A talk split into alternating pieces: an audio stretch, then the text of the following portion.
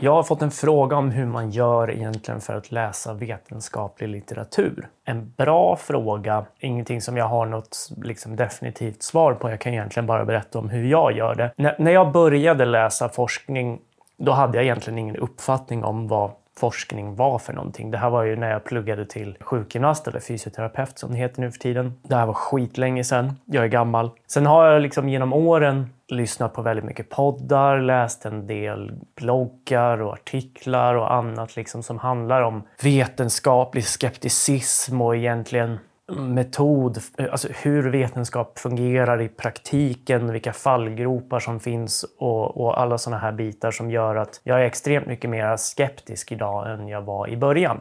För typ det första jag gjorde när jag började liksom söka artiklar, det var så här, man kollade typ hur många sätt ska man göra i styrketräning och så hittade man någon artikel som sa två sätt, det är bäst. Så bara okej, okay, två sätt, då är man klar. Men det är ju inte så. Liksom. Det är ju all, allting är alltid mycket mer komplicerat och det är ju det första man måste veta att när man läser en studie så är det liksom alltid bara en studie. Jag tänker att vi kan ta min förra video som ett exempel där jag pratade om eh, hur, hur, långt man kan springa i ett par såna avancerade löparskor innan de har tappat sin fördel. Det är ju ett område som jag har hyfsat koll på sedan tidigare. Alltså jag har läst mycket studier inom det här området. Jag har pratat och skrivit om det i många olika forum, eh, vänt och vridit på de här tankarna läst liksom många olika delar av den här, den här bilden, har många pusselbitar av. Så liksom hur det påverkar prestationen, vad det gör fysiologiskt, hur skorna funkar, vad det har för implikationer på regelverk. Sådana bitar. Så att jag har liksom en, en hyfsad 3D-blick över den här frågan liksom, med löparskor och sådär. Och de här, den här forskargruppen som, som hade gjort den här, de har jag koll på sedan tidigare. Jag vet vad de har gjort förut och liksom lite vad deras expertis är och sådär. Och det är väl egentligen det första man måste tänka på. Att om du ger dig in i ett område som du inte har koll på så måste du tänka dig att det du undersöker, den här problematiken, den har många olika facetter. Liksom. Det, är en, typ, det är någon sorts form, det är inte nödvändigtvis en boll, men det är någon sorts form med olika liksom, vinklar som du kan titta på den ifrån. Det ser olika ut beroende på vilket håll du tittar på den. Så att om du inte vet vad du inte vet så är du ovetande om det. Eh, det, där lät väldigt korkat. Det finns något som kallas för Dunning-Kruger-effekten. Jag är alltid osäker på om det ska vara Dunning-Kryger eller Dunning-Kruger, men man brukar säga Dunning-Kruger. Det var i alla fall eh, ett par forskare som visade i princip att folk som hade minimal expertis inom ett område överskattade sin expertis väldigt mycket och vice versa såg man de som hade mycket expertis inom ett område. De underskattade sin expertis ganska mycket. Och de var hela tiden ovetande om liksom var de låg på den här skalan. Eh, vilket ju är klurigt för då vet man ju aldrig hur mycket man eh, vet eller inte vet. Men man kan i alla fall när man har fått hyfsat koll på ett ämne så kan man veta att det finns mycket jag inte vet om det här, men det här vet jag i alla fall. Och så kan man vara hyfsat säker på det. Så när du ger in i ett område där du är helt novis och ska läsa en studie, till exempel om du ger in i någon diskussion på sociala medier och så bara googlar du fram en studie inom ett område där du inte har läst särskilt mycket så kommer du ha ganska mycket fel när du sen uttalar dig. För det är liksom, du tittar bara på en liten del av den här stora komplexa 3D-modellen som är den här problematiken. Då. När jag tittade på det här, då var det liksom, okej, okay, det här är det senaste inom det här området. Vad som fanns bakom det har jag hyfsad koll på. Liksom inte allt naturligtvis. Jag har inte jobbat inom det här området. Jag har inte forskat på det. Så, där, så jag har inte så bra koll. Men jag har hyfsat koll. Jag har en överblick så jag vet liksom var den här pusselbiten passar in någonstans. Det gör att jag kan läsa den studien och sen direkt gå och sätta mig framför en kamera och göra en video om det. Och förhoppningsvis inte ha så mycket fel. Liksom. Så att man ska alltid tänka liksom att inom områden där du kan mycket där är det lättare att dra korrekta slutsatser utifrån en studie. Det är liksom det, jag tycker något av det första man måste veta. Det här kan man på ett sätt och vis testa sig själv i genom att kolla, behöver jag läsa introduktionen på den här artikeln? Finns det mycket saker här som jag inte är insatt i? Metoder inom området? Varför är det här ett problem? Vilken grupp testas det här på? Alltså så här, var, varför är det här relevant? Liksom? I, I mitt fall då med den här studien om skor så läste jag inte introduktionen för jag visste ju vad som hade funnits sedan tidigare så det fanns inte så mycket för mig där att läsa. Och det är så det mesta forskningen jag läser så tittar jag inte på introduktionen utan jag går direkt till metoden och tittar på vad är det de har gjort här.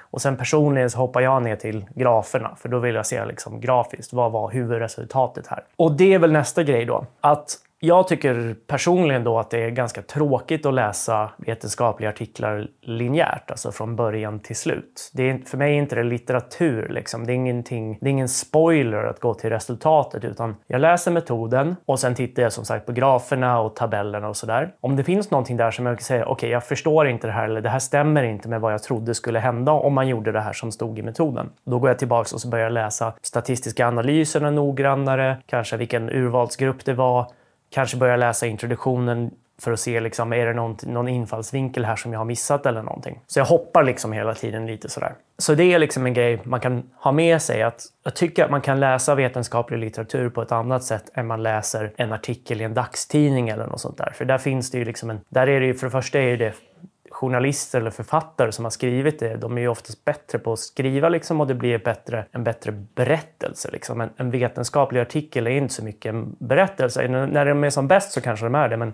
Väldigt ofta så är det ju liksom informationen du bara är ute efter. Och det gör att jag också ganska sällan läser hela diskussionsbiten i en artikel. För man ska ju veta det, alltså introduktionen och diskussionen i en vetenskaplig artikel, de är de mest fria delarna. Där kan man liksom orera ganska mycket kring vad man vill egentligen. Och man kan stoppa in lite referenser och man kan hålla på och sådär. Men metoden ska ju vara väldigt stringent, ska bara beskriva exakt vad det är man har gjort för någonting och resultatet ska egentligen bara redovisa vad föl, följde av den här metoden. Det, det är väldigt torrt. Liksom.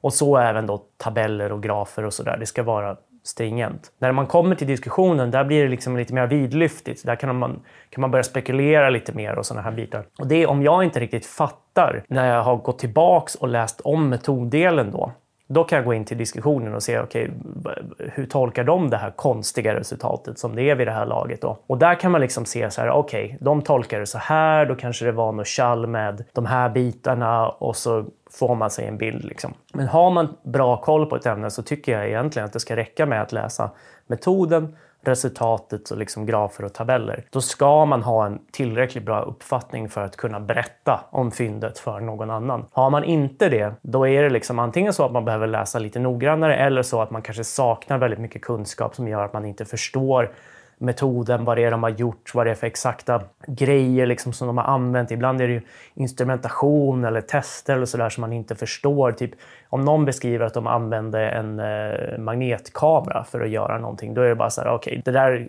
jag kommer inte ens bry mig om att sätta mig in i hur det här fungerar, utan de säger T2-signaler hit och dit och jag bara, jag vet liksom i princip vad de menar, men jag vet inte hur det fungerar. Jag får bara acceptera att de här har beskrivit det så och hoppas att de har gjort det rätt. Liksom. Men som i det här skofallet då, då hade de mätt det som jag kallade för fjong, liksom, de hade mätt alltså longitudinell eh, stiffness, böjningsmotstånd eller vad man ska säga. De hade mätt någon form av löpekonomi. De här bitarna har jag koll på så att jag behövde liksom inte sätta mig in så mycket i det utan jag förstod vad det var de hade gjort och jag förstod vad det var de kom fram till.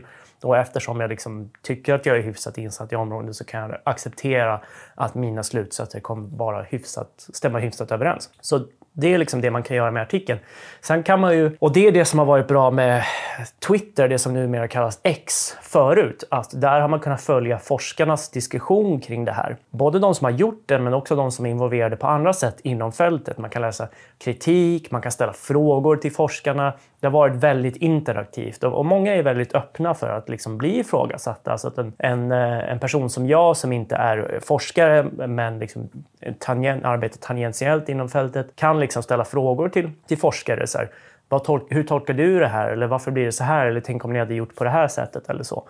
Och så kan man få hyfsat bra svar och man kan se andras frågor och svar och sådär. Så det är väl nästa grej, att man ska försöka att ta, hitta rätt på den här, det som brukar kallas för post peer review discussions. Alltså efter att det har gått genom en peer review process som egentligen bara är till för att hitta eh, fel i artikeln egentligen. Eh, så kan man gå och hitta den bredare diskussionen kring det här. Vad betyder det här egentligen? Och få andra infallsvinklar som man kanske inte hade tänkt på. Och, så sådär.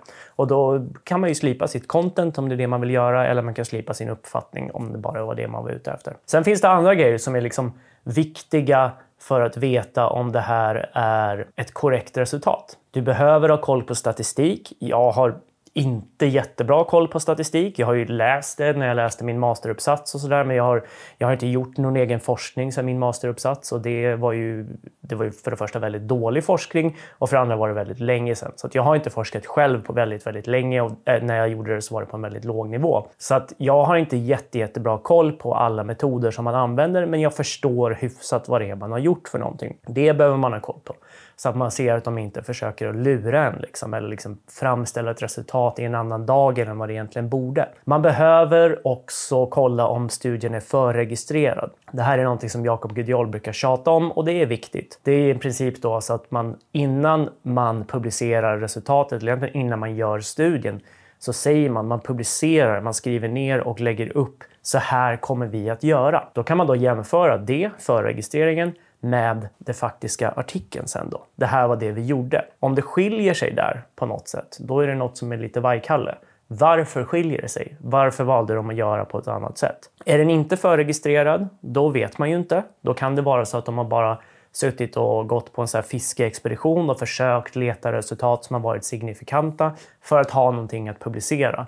Och då vet man inte vad var det man inte publicerade här. Alltså vad var det för resultat som gömdes undan och egentligen då vad var det faktiska resultatet om man hade gjort som man tänkte sig från början. Det vet man inte eftersom man inte vet hur de tänkte sig från början. Så det är en väldigt viktig del att ha koll på. Så ha koll på ämnet innan du ger dig in. Annars är risken väldigt stor att du kommer att ha fel. Läs det på ett sätt som gör att du förstår artikeln. För mig är det då att hoppa väldigt mycket, men det behöver inte vara så. Ha koll på metoderna som de använder, både då det man faktiskt testar, men sen också hur man analyserar datan som man får in då, statistiskt och så vidare. Leta upp den vidare diskussionen för att förstå hur passar det här in i det stora hela. Och den biten är ju rätt viktig då, för då får man ju mer insikt från folk som verkligen har koll som jobbar inom området som, som liksom ska kunna det här. Med det sagt så är det här jävligt roligt och är man bara intresserad för sin egen skull att förkovra sig så finns det väldigt mycket forskning som är gratis nu för tiden. Eh, det, här, det är en fucked up jävla process det här med hur vetenskap publiceras och det behöver vi inte riktigt gå in på men väldigt ofta så är det så att forskarna eller universiteten då betalar för att göra de här artiklarna tillgängliga gratis och då kan man hitta dem på PubMed till exempel eh, och, och, och, kunna ladda ner pdf-erna. Annars så finns det mer eller mindre legala sätt att få tag på de här artiklarna. Man kan också be om det på sociala medier. Man kan be författarna själva om man går in på ResearchGate. Eh, man kan be någon som har universitetsinlogg om man inte har det själv att få tag på dem. Det finns många olika sätt att hitta forskning på. Men det är jävligt roligt. Det man ska vara försiktig med det är väl att uttala sig om saker som man inte riktigt har koll på. Det gör vi alla. Det gör jag också. Och jag har också fel, eh, oftare än vad jag skulle vilja. Eh, och förhoppningsvis så är det någon kunnig som påtalar det också och förhoppningsvis så kan man då rätta sig därefter. Men det är så jag gör i alla fall och jag tycker att det har funkat eh, hyfsat för mig. Ska vi säga. Det var allt för idag. Vi ses och hörs när vi gör det.